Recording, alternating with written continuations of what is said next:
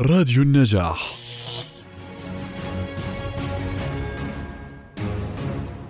قم للمعلم وفه التبجيل. كاد المعلم أن يكون رسولا. بيت شعر كهذا لا يبدو أكثر من كليشيه في وقت بات فيه المعلم يبحث عن كفافه ويرزح تحت ضغط أرباب العمل والاهالي وكل من يلقي بعبء العملية التعليمية بكاملها عليه. لكن هل يحصل معلمو المدارس الخاصة على حقوقهم فعلا؟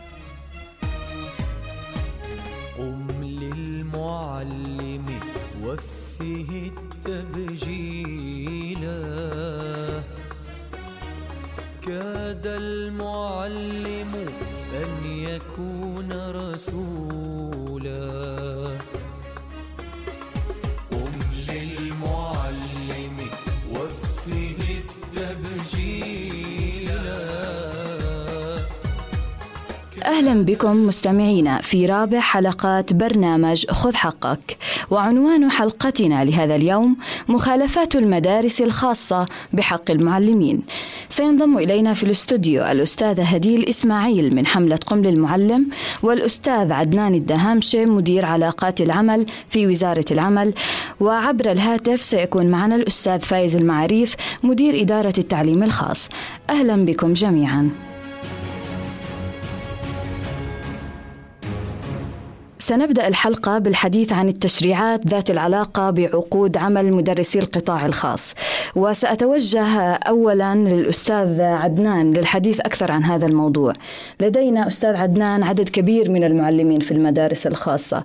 واصلا آه، بات كثير من الأهالي آه، يرسلون أبنائهم إلى المدارس الخاصة ويفضلون هذا القطاع آه، بسبب بعض الامتيازات الموجودة فيه.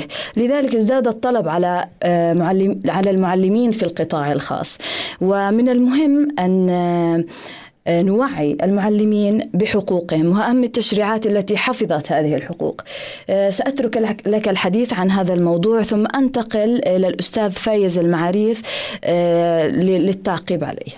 بداية مساء الخير للحضور أهلاً والمستمعين وللجميع ومساء الخير لزميلنا من التربية على عبر الهاتف من وزارة التربية والتعليم.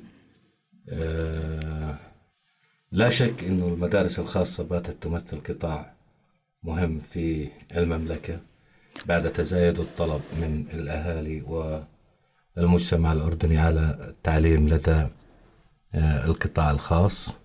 فهناك شريحة كبيرة من المعلمين آه، تعمل في هذا القطاع. ولا شك أن هناك في هذا القطاع يعمل أيضا أناس غير المعلمين من سواقين ومراسلين صحيح. وخدمات مساندة للمدارس. وهذا القطاع قطاع مهم جدا ووزارة العمل تراقب هذا القطاع عن كثب من خلال حملات تفتيشية مكثفة على آه هذه على هذا القطاع وخاصة آه في بداية الفصل الدراسي من كل عام. ثم تتابع الحملات التفتيشية من خلال مفتشيها المنتشرين. في كافة مناطق المملكة على المدارس الخاصة ومدى التزامها وتطبيقها في القوانين النافذة. وعندما نتحدث عن القوانين النافذة نتحدث عن القوانين بكافة أشكالها التي تعنى بالعملية التدريسية من قوانين العمل وقانون وزارة التربية والتعليم وعقود العمل الموحدة الموحدة وأي قوانين أو أنظمة صادرة بمقتضى هذه القوانين. تنظم هذه العملية التدريسية. أريد منك أستاذ أن نتحدث أكثر عن هذه القوانين. يعني آه، كمعلم آه، أدرس مثلا آه، في السنة هذه السنة الأولى لي في قطاع التدريس ولا أعرف الكثير عن هذا القطاع أو لا أعرف حقوقي عن هذا القطاع. أتوجه إلى المدارس وأرسل إليهم سيرتي الذاتية وأخضع لمقابلات ثم قد يعرض علي عقد وفي بعض الحالات هناك مدارس يعني لا تعطي عقود. إلى الآن يوجد مدارس سنستمع إلى حالات بعد قليل آه، تلجأ إلى الاتفاق الشفهي بين بينها وبين المعلم. نريد منك أهم النقاط التي يمكن أن نوعي بها المعلمين الذين يبدأون عملهم في قطاع التدريس آه، لا سيما في القطاع الخاص. بلا شك في كل قانون من القوانين آه، المرعية يوجد هناك حالات من خلينا نسميها التط- التطاول على القوانين أو آه، عدم ال- الالتزام بأحكام آه، القوانين. آه، هناك عقود عمل موحدة صدرت بمقتضى أحكام قانون العمل وعقد العمل. 2017 أعتقد. عقد نعم وعقد العمل الجماعي الموقع بين أطرافه من النقابة العامة لأصحاب المدارس الخاصة ونقابة العاملين في التعليم الخاص. هذا العقد أو عقد العمل الجماعي انبثق عنه العقد عقد العمل الموحد الذي يراعي مصلحة الطرفين من حقوق صاحب العمل ومن حقوق العامل أو المعلم آه، بشكل خاص. فينبغي على كل معلم ومعلمة ألا يعمل لدى أي مدرسة خاصة إلا بعد إبرام هذا العقد لأن هذا العقد يحفظ حقوق وواجبات كل طرف من أطرافه. تمام. آه، أستاذ هناك من يلجأ إلى توقيع عقدين. العقد الموحد وعقد آخر قد تتناقض بنوده مع العقد الموحد وهناك من يلجأ إلى إجبار المعلمين إلى على توقيع مكمبيالات مثلا في حال آه، انفصل المعلم خلال ال- ال- الفصل الدراسي يدفع مبلغ معين آه، ما رأيك بهذا؟ ما رأي القانون بهذا الأمر؟ في قانون العمل يحظر وتحت طائلة المساءلة القانونية والمخالفة والتي قد تصل إلى آه، آه، إغلاق المؤسسة. ينبغي عند آه، حديثنا عن إغلاق المؤسسة أن آه، قانون العمل الآن هناك تعديلات في مجلس النواب سيصدر قريبا إن شاء الله. أصر وزير العمل تحت قبة البرلمان أو في لجنة العمل النيابية أن تكون مخالفة صاحب العمل. الذي يتلاعب في العقود والحد الأدنى للأجور والأشكال التي أسلفنا في ذكرها بالنسبة لعدم الالتزام بتطبيق أحكام القانون فيما يخص موضوع المعلمين في القطاع الخاص. آه، وضعت الحكومة مادة قانونية.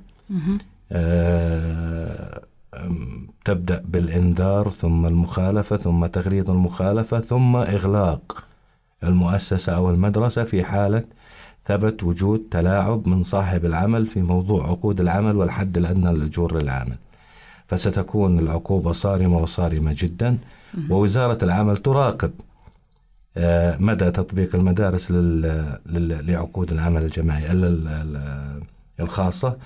ولكن نحن لا ننفي وجود مثل هذه الحالات بس آه، يعني أحب أن أؤكد هنا أنها ليست ظاهرة وإنما هي استثناء.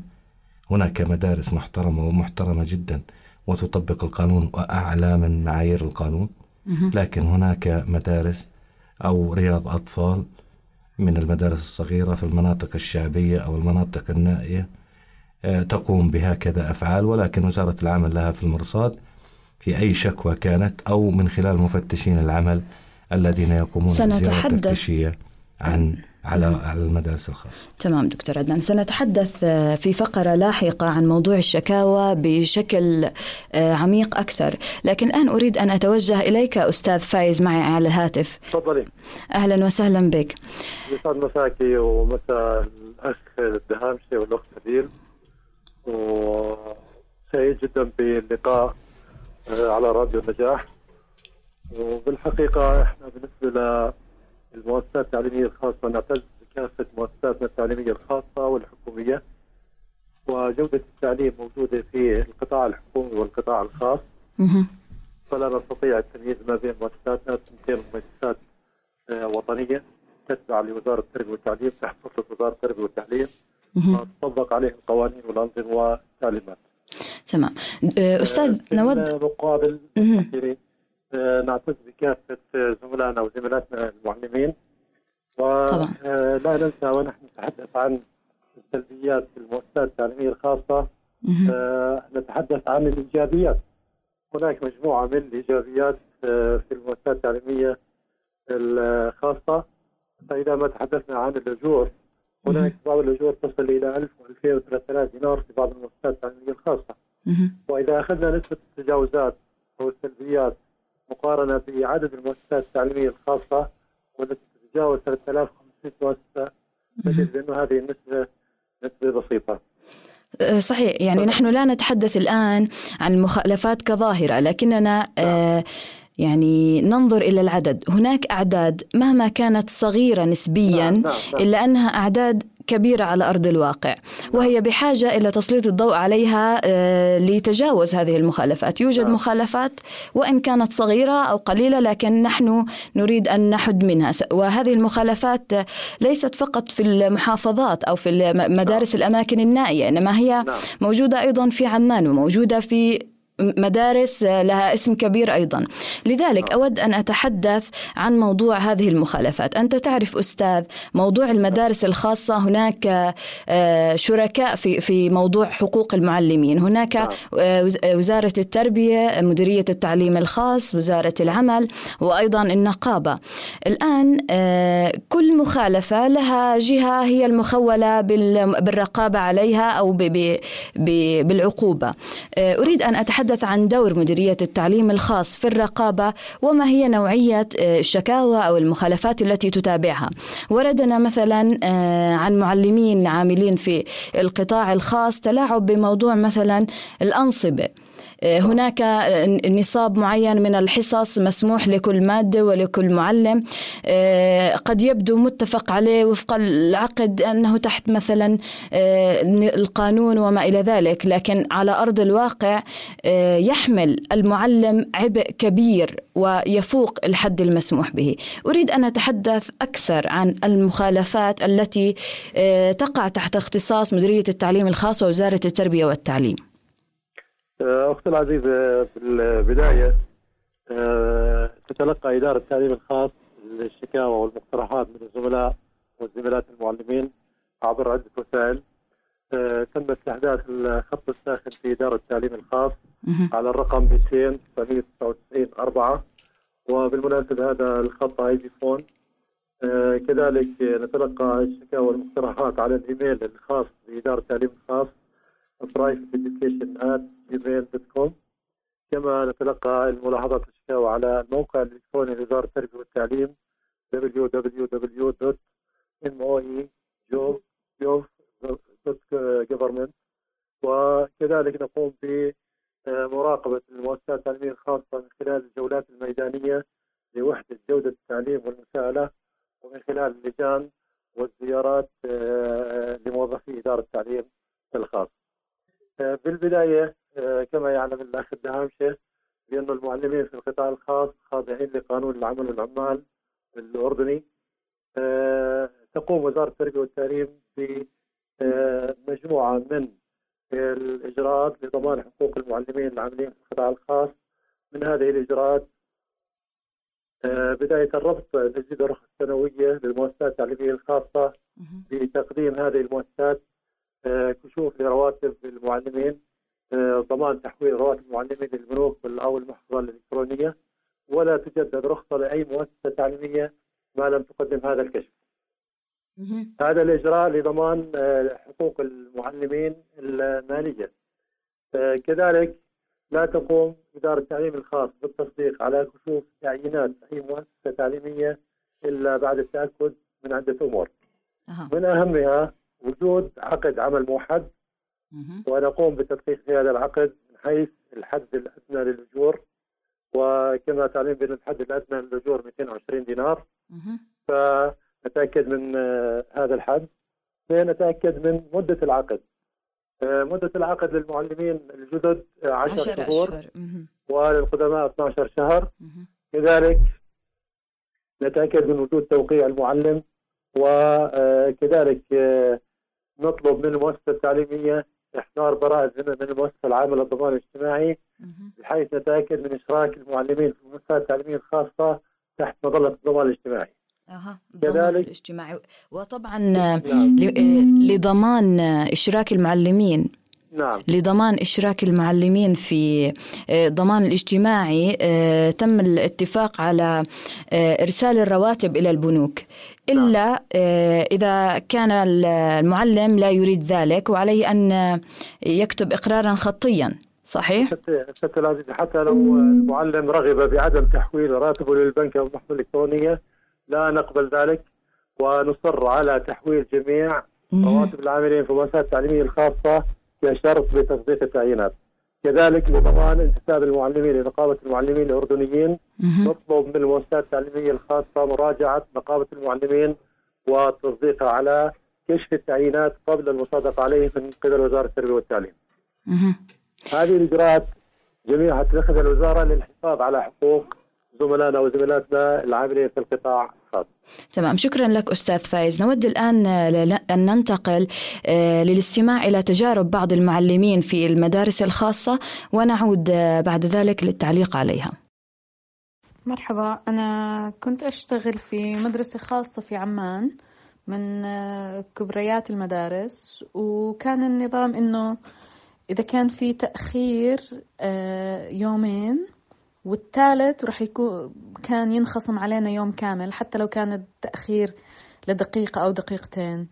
وحتى لو كان التأخير بسبب إنه الأستاذ أو المعلم أو المعلمة مشتركين بباص المدرسة والباص هو تأخر عليهم يعني مش ذنبهم هم.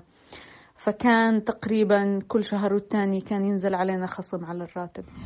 أنا ولاء أحمد اشتغلت بمدرسة خاصة بعمان ثلاث سنين. كانت المشكلة إنه المدرسة في نهاية السنة الدراسية بتفسخ العقد وبترجع بتجدده في بداية السنة اللي بعدها بس عشان ما تدفعي فلوس في الصيف. زوجي كان يشتغل السنة الماضية بمدرسة خاصة. كانت المدرسة تأخر الرواتب لأكثر من شهرين وما تحول الرواتب على البنك. طبعا هذا الإشي كان يأثر على كل المعلمين وعلينا إحنا كعائلة. ضرر مادي والارتب كلياتنا عنا إرتباطات مادية وهذا كثير كان يأثر علينا. مرحبا أنا اشتغلت في مدرسة كنت حامل بالسادس ولادي بأول الفصل الأول وطلبوا أقدم استقالتي لأنهم ما بدهم يجيبوا بديلة وقت إجازة الأمومة. طبعا حقوقي راحت من رواتب الصيف والضمان. ولما حكيت لوزارة العمل خبروني إنه ما كان لازم أقدم استقالتي لأن هيك راحت كل حقوقي. آه، أنا معلمة إنجليزي. بلشت أشتغل في مدرسة. كان الاتفاق بيننا إنه أول يوم هو تجربة وإذا اتفقنا في آخر اليوم إحنا رح نوقع عقد بيناتنا رحت في, في اليوم الأول بعد انتهاء الدوام تقريبا الساعة واحدة ونص مع إنه الطلاب بيكونوا خالصين من 12 بس أنا ضلت أستنى المديرة لتفضى إيه لما لما دخلت عند المديرة حكيت لها تفضلي عشان نحكي بالراتب المميزات الواجبات والمسؤوليات. فهي حكت لي ببساطة إنه آه، إحنا ما عنا عقود وما بنتعامل بالعقود. بس إذا بتحبين نكتب على يعني على الدفتر العادي تاع بكتب عليه كراسة نكتب إنه أنت بتشتغلي عنا. لا في تربيسة ولا في ختم ولا في شيء. هو ما في ضمان اجتماعي ما في تأمين صحي. والراتب هو عبارة عن 180 دينار 190 دينار.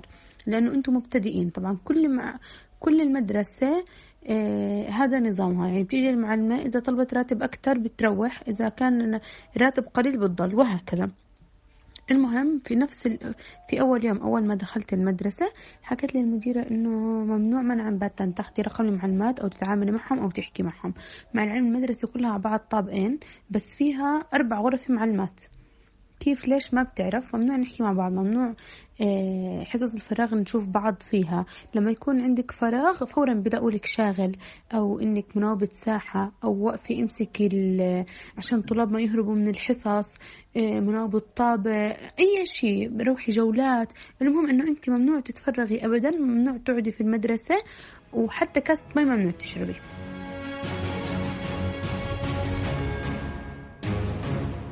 عودة إليكم مستمعينا. استمعنا قبل الفاصل آه، إلى تجارب معلمين في المدارس الخاصة وهذا غيض من فيض.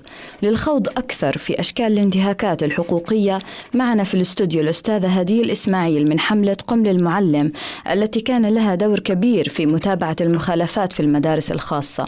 أود منك آه، أستاذة هديل أن تعرفينا بالحملة آه، أهم أهدافها وإنجازاتها والجهات التي تعاونت معها.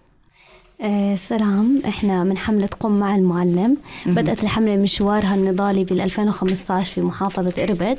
آه، تحت مظلة اللجنة الأردنية للإنصاف بالأجور وبدعم من اللجنة الوطنية لشؤون المرأة ومنظمة العمل الدولية وبتدريب من مؤسسة أهل للتنظيم المجتمعي. آه، الهدف كان من الحملة هو العمل على ضمان حقوق معلمي ومعلمات القطاع الخاص خصوصا فيما يتعلق في الأجور والإجازات. الحملة بدأت بسبع معلمات في محافظة إربد لها هلا تحمل الحملة 100 آه، عضو ملتزم بيلتقوا لقاءات دورية شهرية. في كافة في خمس محافظات عندنا محافظة عمان والزرقاء إربد عجلون والسلط تضم الحملة الآن 3000 معلمة في قاعة بياناتها الخاصة. 12 ألف متابع على آه، صفحتها على الفيسبوك. آه، الحملة هي عبارة عن فريق منظم بتكون من فريق مؤسس. وفي المحافظات اللي تم ذكرهم في عنا أفريقيا محلية. عملها هو عمل لجان. عندنا لجنة موارد وعندنا لجنة تفتيش وشكاوي وعندنا لجنة التعلم الشعبي وهو مسؤول عن توعية المعلمات بحقوقهم. ربما أعتقد لجنة ال- الشكاوى هي التي تتابع أكثر موضوع المخالفات صحيح؟ أكيد مزبوط. هي يعني أكثر لجنة هي لجنة الشكاوى والتفتيش والوساطة أيضا. هي ليست فقط تشبك المعلمين بمن يحتاجون حتى إنها تأخذ حقها هي كمان بتعمل وساطة بينهم وبين أصحاب العمل. فمثلا السنة الماضية حلينا 90 آه، مشكلة بين المعلمات وأصحاب العمل بدون لجوء لأي آه،. جهة. أخرى. بالضبط وعندنا أيضا لجنة الإعلام ولجنة قاعدة البيانات هلا الإنجازات الحملة إذا بدي أبلش لك آه، أنجزنا كان أول أول إنجاز لنا هو إنه إحنا آه، الخط الأول اشتغلنا مع أهل القضية والخط الثاني اشتغلنا بالتشبيك مع صناع القرار من الحكومة. بالنسبة لأهل القضية عملنا معهم على عدة أشياء. الجزء الأول كان هو تمكين معلمات على الأرض إنها تفاوض صاحب العمل بخصوص إنها تحصل على حقوقها. وفي حال كان في انتهاكات من صاحب العمل كنا نشبكها بالجهات المعنية من وزارة العمل أو حتى إذا وصلت لسلطة الأجور واضطرت المعلمة ترفع قضية. كنا نشبكهم مع مركز عدل اللي كان ياخذ هاي القضايا أها مجانا للمساعدة القانونية. مزبوط. وأيضا نظمنا المعلمات في قيادتهم على الأرض. المشاركة في تكتيكات معنا في الحملة. فشاركونا في حملة تكتيكنا في راتبنا في البنك مش من تحت الطاولة. فكانت أها. 100 معلمة قيادية أمام وزارة التربية والتعليم في 2018 حتى آه، صدر نظام اللي هو أيام الدكتور عمر رزاز. بيربط ترخيص المدارس الخاصة بإلزامية تحويل رواتب على البنوك. والجزء الآخر كان هو توعية المعلمات بحقوقها قانونيا سواء بقانون وزارة العمل أو قانون وزارة التربية. حتى تقدر هاي المعلمة ما بتقدر تدافع عن حقها إلا إذا كانت واعية تماما بحقوقها. صحيح التوعية أولا دائما. بالضبط. وأيضا ببنود العقد الموحد وما تم آه، عليه من آه، إنجازات. وأيضا مكنا المعلم مش بس من ناحية قانونية من, ما من ناحية مهارات تدريس. آه، لأنه المعلمة دائما القوية في المدرسة هي المعلمة اللي صعب يستغنى عنها. فكل ما كانت متمكنة أكثر في مادتها فهي بتكون أقوى. آه، طيب أود أن آم، نتحدث أكثر هديل عن موضوع ال- الجهود في تفعيل القوانين وتوعية المعلمين بها مثلا في حال حصول الانتهاكات إلى أي جهة ستلجأ المعلمة مثلا إيه، كيف عملتم على هذا الأمر؟ تمام. بدي أحكي لك إياه هو الجزء الثاني كان تشبيك مع ال- مع الحكومة بخصوص حقوق المعلمين. فأول جزء اشتغلنا عليه اللي هو كنا إحنا من الوفد اللي فاوض على موضوع العقد الموحد وحصلنا على آه، يعني امتيازات للمعلم. هي زي ما تفضل الأستاذ فايز المعريف وكان الراتب 220 الحد الأدنى. فإحنا حصلنا على 10 دنانير زيادة للمعلم فقط فأصبح الحد الأدنى للاجور له هو 230 وليس 220 فلازم يتعاقد معاه 230 بالإضافة للزيادات السنوية اللي حصل عليها المعلم خمس دنانير أعتقد عن كل سنة خبرة. ومزبوط و5% سنوية. 5% سنوية. آه، كمان عملنا ست أشهر على تكتيك راتبنا في البنك مش من تحت الطاولة. وكان من ضمن آه، هذا العمل ست أشهر هو عمل استبيان لأنه دائما تعترضنا مشكلات أنه المعلم هو لا يرغب بتحويل راتبه على البنك. فعملنا استبيان 67% من المعلمات والمعلمين في القطاع الخاص صوتوا أنهم يرغبوا في آه، آه، تقاضي راتبهم عن طريق البنك. بالإضافة لذلك عملنا آه، قائمة بأسماء المدارس المخالفة عن طريق الشكاوى والتفتيش اللي عندنا اللجنة الموجودة عندنا عن طريق منصتنا على الفيسبوك وخط الحملة بما يصلنا من شكاوي. وجمعنا هاي الأسماء وجمعنا أهمية تحويل البنكي وقمنا بتسليم هذا الملف للدكتور عمر رزاز في وقتها وانتهت بوقفة زي ما قلت لك ب معلمة. انتهت مخرجاتها بأنه صدر النظام بمنع ترخيص المدارس الخاصة إلا إذا قدمت كشوفات بنكية لهاي المعلمات. اللي بدي أحكي لك إياه إنه إحنا كان إنجاز عظيم. إنه صدر هذا النظام. طبعا. هو المهم المهم في موضوع تحويل الراتب إلى البنك ارتباطه بموضوع الضمان الاجتماعي. يعني آه، إجازات الأمومة آه، الإجازات السنوية حتى التأخر في الرواتب آه، يكون واضحا في حال التحويل إلى البنك. يعني فكرة إثبات المخ أو تثبيت المخالفة على المدرسة يكون أسهل في حال كانت يعني تحول الراتب إلى البنك. لكن إذا كان الاتفاق شفهيا ويعني تسليم الراتب باليد كيف سيثبت المعلم أنه تقاضى أم لم يتقاضى؟ تماماً. يعني هناك مدارس حتى لا يعني المدرس لا يوقع حتى ولا على أي ورقة عند استلام الراتب. وهذا مؤسف لذلك إحنا بنأمل من المعلمات والمعلمين في القطاع الخاص أنهم يكونوا على وعي تام بإنك لما أنت بتيجي بتفوتي على مدرسة المفروض إنك توقعي ثلاث نسخ من العقد الموحد، النسخة الأولى هي لك وتأخذيها حالما وقعتي. هذا العقد مباشرة وأنت جالسة، النسخة الثانية بتذهب لوزاره التربية والتعليم، والنسخة الثالثة بتكون في المدرسة، هذا طيب والعقد عقد المدرسة نفسه يعني هناك من يجعل المعلم يوقع على عقدين. العقد ال- الموحد والعقد الآخر هو عقد خاص بالم- بالمدرسة الخاصة ويوجد في بعضها يعني قوانين يعني صعبة مثلا آه، في بعض المدارس كل كل تأخير دقيقة مثلا خصم يوم كامل في. بعض المدارس لذلك ننوه للمعلمات أنها ما توقع ويقولوا قانون العقد. داخلي يعني بيجوا بيحكوا هذا قانون داخلي كيف سنرد في؟ القانون يمكن الأستاذ بيقدر يرد أكثر ولكن في القانون هي بتوقع العقد الموحد وأما القانون الداخلي فهو يجب أن يتبع لقانون العمل في حال تعارض القانون الداخلي مع قانون العمل يلغى، نرجع صح؟ لقانون مم. العمل ونظام يمكن العقوبات هو إحنا عندنا تدرج عقوبات بالقانون بيقدر الأستاذ يحكي عنها أكثر فبخصوص الخصومات الغير قانونية وهذا يثبته الكشف البنكي في حال حصلت المعلم على خصومات غير قانونية لذلك إحنا مصرين على وجود آه، راتب المعلم تمام شكرا لك أستاذة. سأتوجه لك لكي تجيب عن هذا السؤال أستاذ عدنان. أنا سوف أبدأ من حيث انتهيتم مهم. آه، في قانون العمل على كل مؤسسة في المادة 55 من قانون العمل على كل مؤسسة آه، تستخدم عشرة عمال فأكثر أن تضع نظاما داخليا. آه، تبين فيها أوقات الدوام والراحة والتدابير المتخذة بشأنها ولائحة جزاءات يصادق عليه من وزير العمل. طبعا إن لم تكن لائحة الجزاءات هذه اللي اسمها لائحة العقوبات أو لائحة الجزاءات إن لم تكن موافقة للقانون فلا يمكن المصادقة عليها من وزير العمل. وبالتالي إن لم تكن مصادقة فلا فليس لها أي حجة قانونية لا أمام القضاء ولا أمام آه، وزارة العمل. أنا بدي أحكي عن شغلة إنسانية وجدانية تحدثنا عن موضوع التحويلات البنكية وما التحويلات البنكية في عقد العمل الجماعي الذي أودع في نص في بعض مواده على إيداع آه، يلتزم صاحب المدرسة على التحويلات البنكية ولكن شريطة آه، موافقة المعلم لظروف خاصة قد يكون المعلم لا يريد هو تحويل الراتب إلى البنك لظروف مالية معينة. آه، لكن قروض، آه،. يرجع إلى موضوع آه، الضمير. آه، فبعض المدارس تقوم بالتحويلات البنكية إلى البنوك على الحد الأدنى للأجور و- والزيادات المترتبة في عقد العمل الجماعي المودع لدى وزارة العمل. ولكن من تحت الطاولة يقوم ال- الزيادات هذه التي وضعت لدى ال- التحويل البنكي. ممكن يعطيه 190 150 دينار ويحول البنك 260 270 دينار فأكثر الموضوع آه، وجداني أكثر منه. طيب في حال حصول هذا الأمر ماذا سيفعل الموظف؟ كيف يستطيع سيشتكي؟ الموظف تقديم شكاوى لدى وزارة العمل عبر هي تحقق في الموضوع طبعا, طبعا 28 مديرية مختلفة في وزارة العمل للشكاوي في كل مناطق المملكة. ممتاز وأيضا بالإضافة إلى منصة بخدمتكم بخدمتكم أها. مربوطة في ال- الرئاسة الجليلة ويستطيع الموظف تقديم الشكوى لديها وهناك متابعة لهذه الشكاوى من قبل الرئاسة على موضوع منصة بخدمتكم بالإضافة إلى أنه في خطوط شكاوي ساخنة الخط الساخن صفر سبعة تسعة ستة خمسة ثمانية صفر ثلاث ستات وصفر سبعة ثمانية خمسة ستة صفر اثنين ثلاث ستات بالإضافة إلى رقم الشكاوى المباشرة الأرض اللي هو صفر ستة خمسة خمسة ثلاثة صفر اثنين ستة ستة أو التقدم بشكاوى خطية أو عبر الهاتف.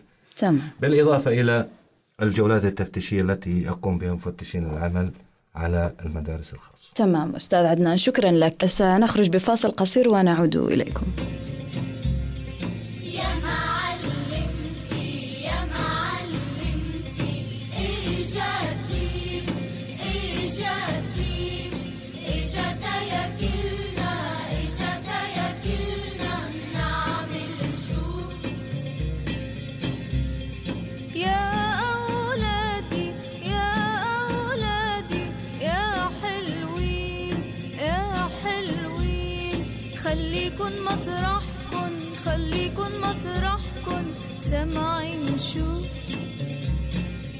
عودة إليكم مستمعينا. آه، أريد أن أرحب من جديد بك أستاذ فايز. آه، معي على الهاتف. أهلا بك.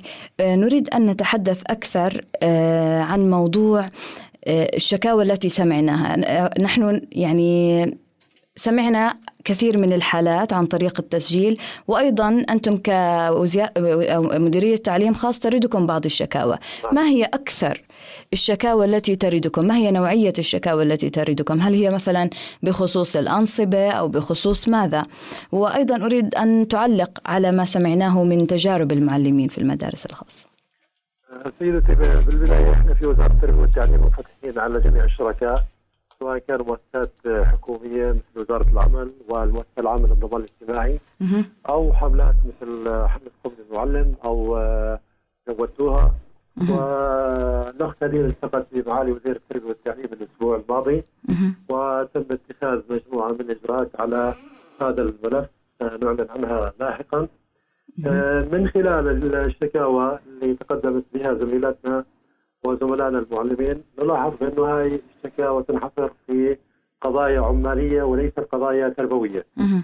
معظم الشكاوى آه، تركز حول عدم تحويل رواتب المعلمين للبنوك مهم. أو المحفظه الإلكترونية، عدم تسليم المعلم أو المعلمة نسخة من العقد الموحد،. عدم وجود عقد أو تعيين رسمي للمعلم، عدم الالتزام بمدة العقد الموحد،. عدم الحد الالتزام بالحد الأدنى للأجور. عمليا من خلال اتفاق مع المعلمين توقيع شيكات أو ما إلى ذلك. نلاحظ بانه المعلم زملاء المعلمين والمعلمات يتحملوا جزء كبير من هذه الشكاوى ويعطينا مؤشر هنا بأنه معلمينا في القطاع الخاص آه، آه، غير مطلعين على التشريعات والقوانين الأنظمة التعليمات الناظمة لعملهم في المؤسسات التعليمية الخاصة.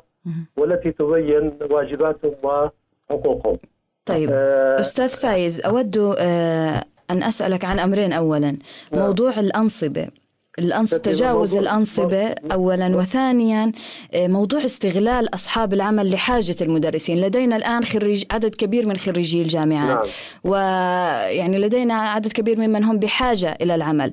وخاصة نعم. في الأماكن مثلا ال- المحافظات يكون هناك مدرسة أو مدرستان يعني عدد محدود من المدارس مقابل عدد كبير من الخريجين. أرباب العمل نعم. يستغلون هذا الأمر. أنه هذا هو الراتب. آه، عليك أن تقبل وإلا يعني الأمر سهل. سأجلب يعني هناك أعداد كبيرة من خريجي- الخريجين. سأجلب غيرك. هذا هو الراتب. إما أن ترضى بالأمر الواقع أو تجلس دون عمل. نعم. بالبداية بالنسبة لانظمه المعلمين.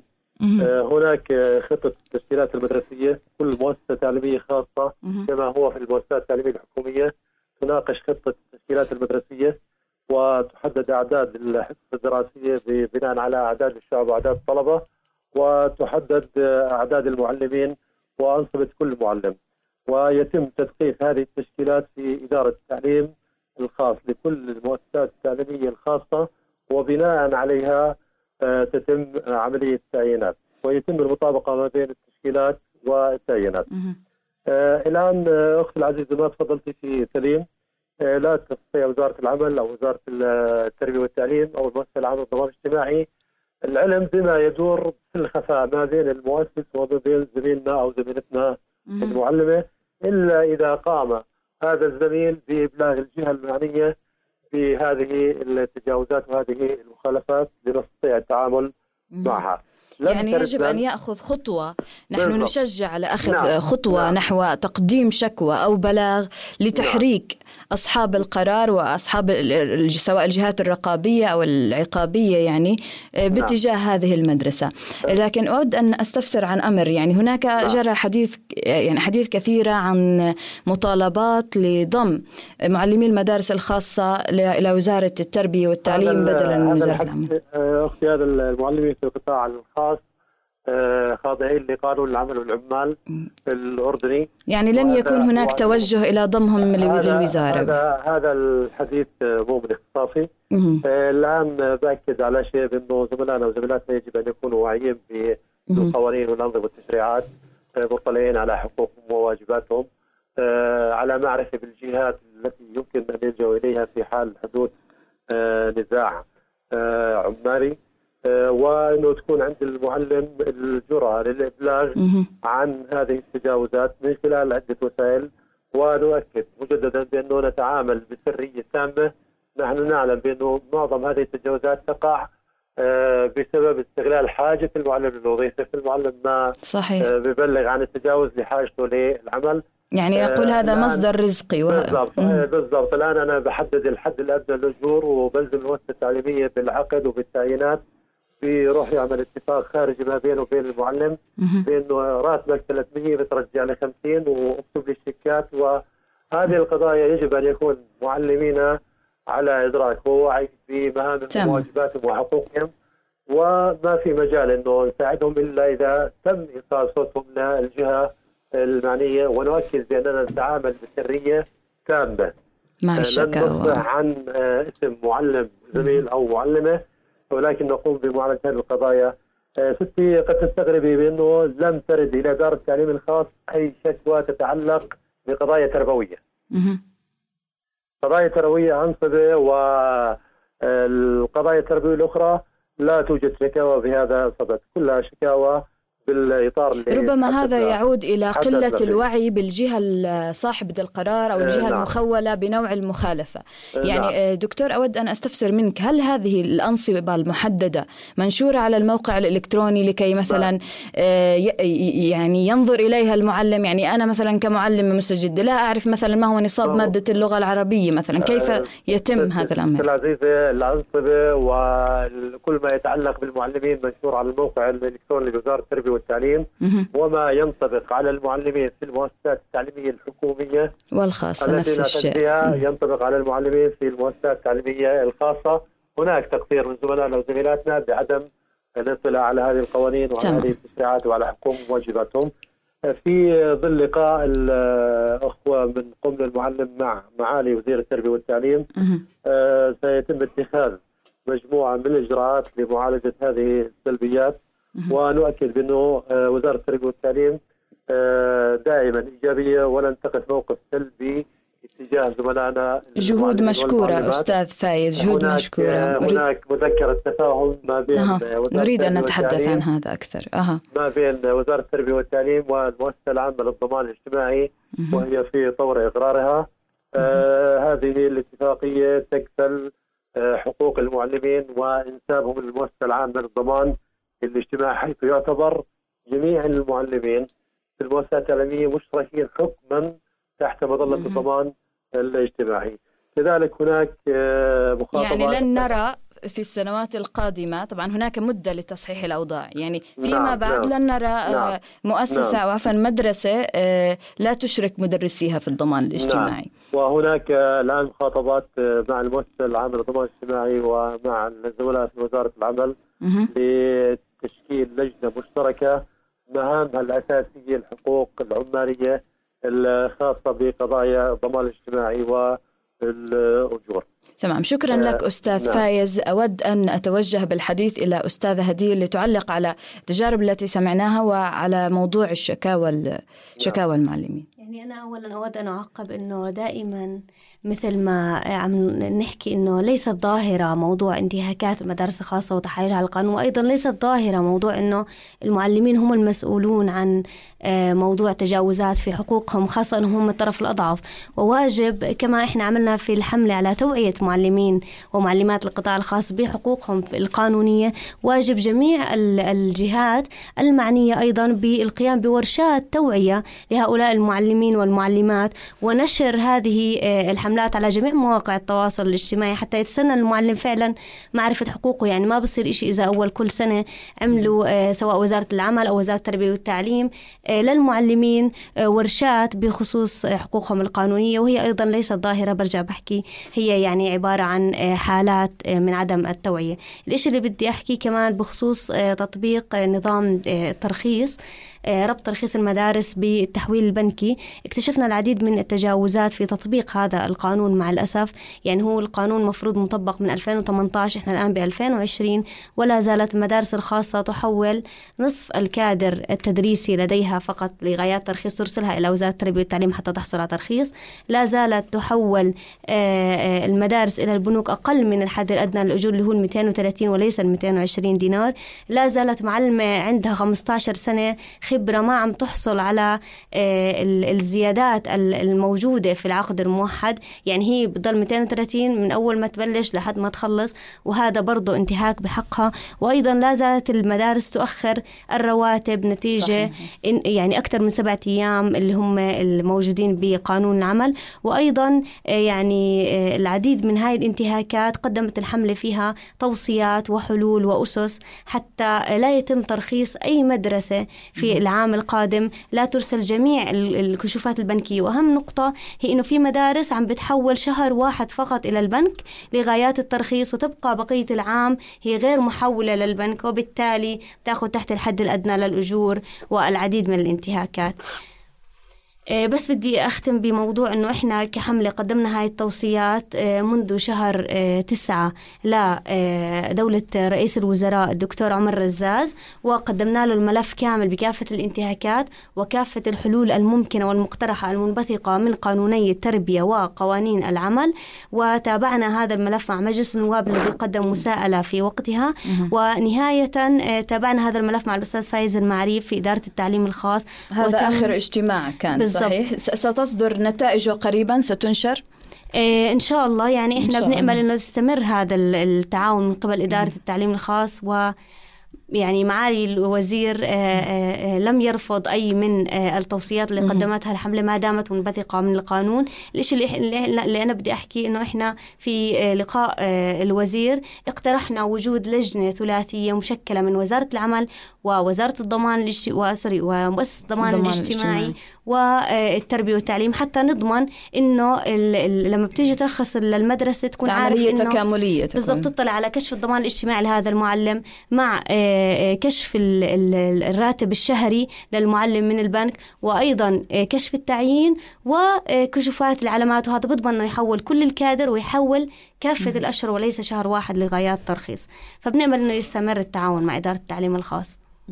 شكرا لكم ضيوفنا الكرام. بهذا نصل مستمعينا إلى نهاية حلقتنا عن مخالفات المدارس الخاصة. راجين لكم أمنا وحرية دائمين في وطن على قدر ما نرجو وبقدر ما نحب. كانت معكم من الإعداد والتقديم فاطمة وشاح ومن الهندسة الإذاعية محمد عبد الله. دمتم بخير وحرية.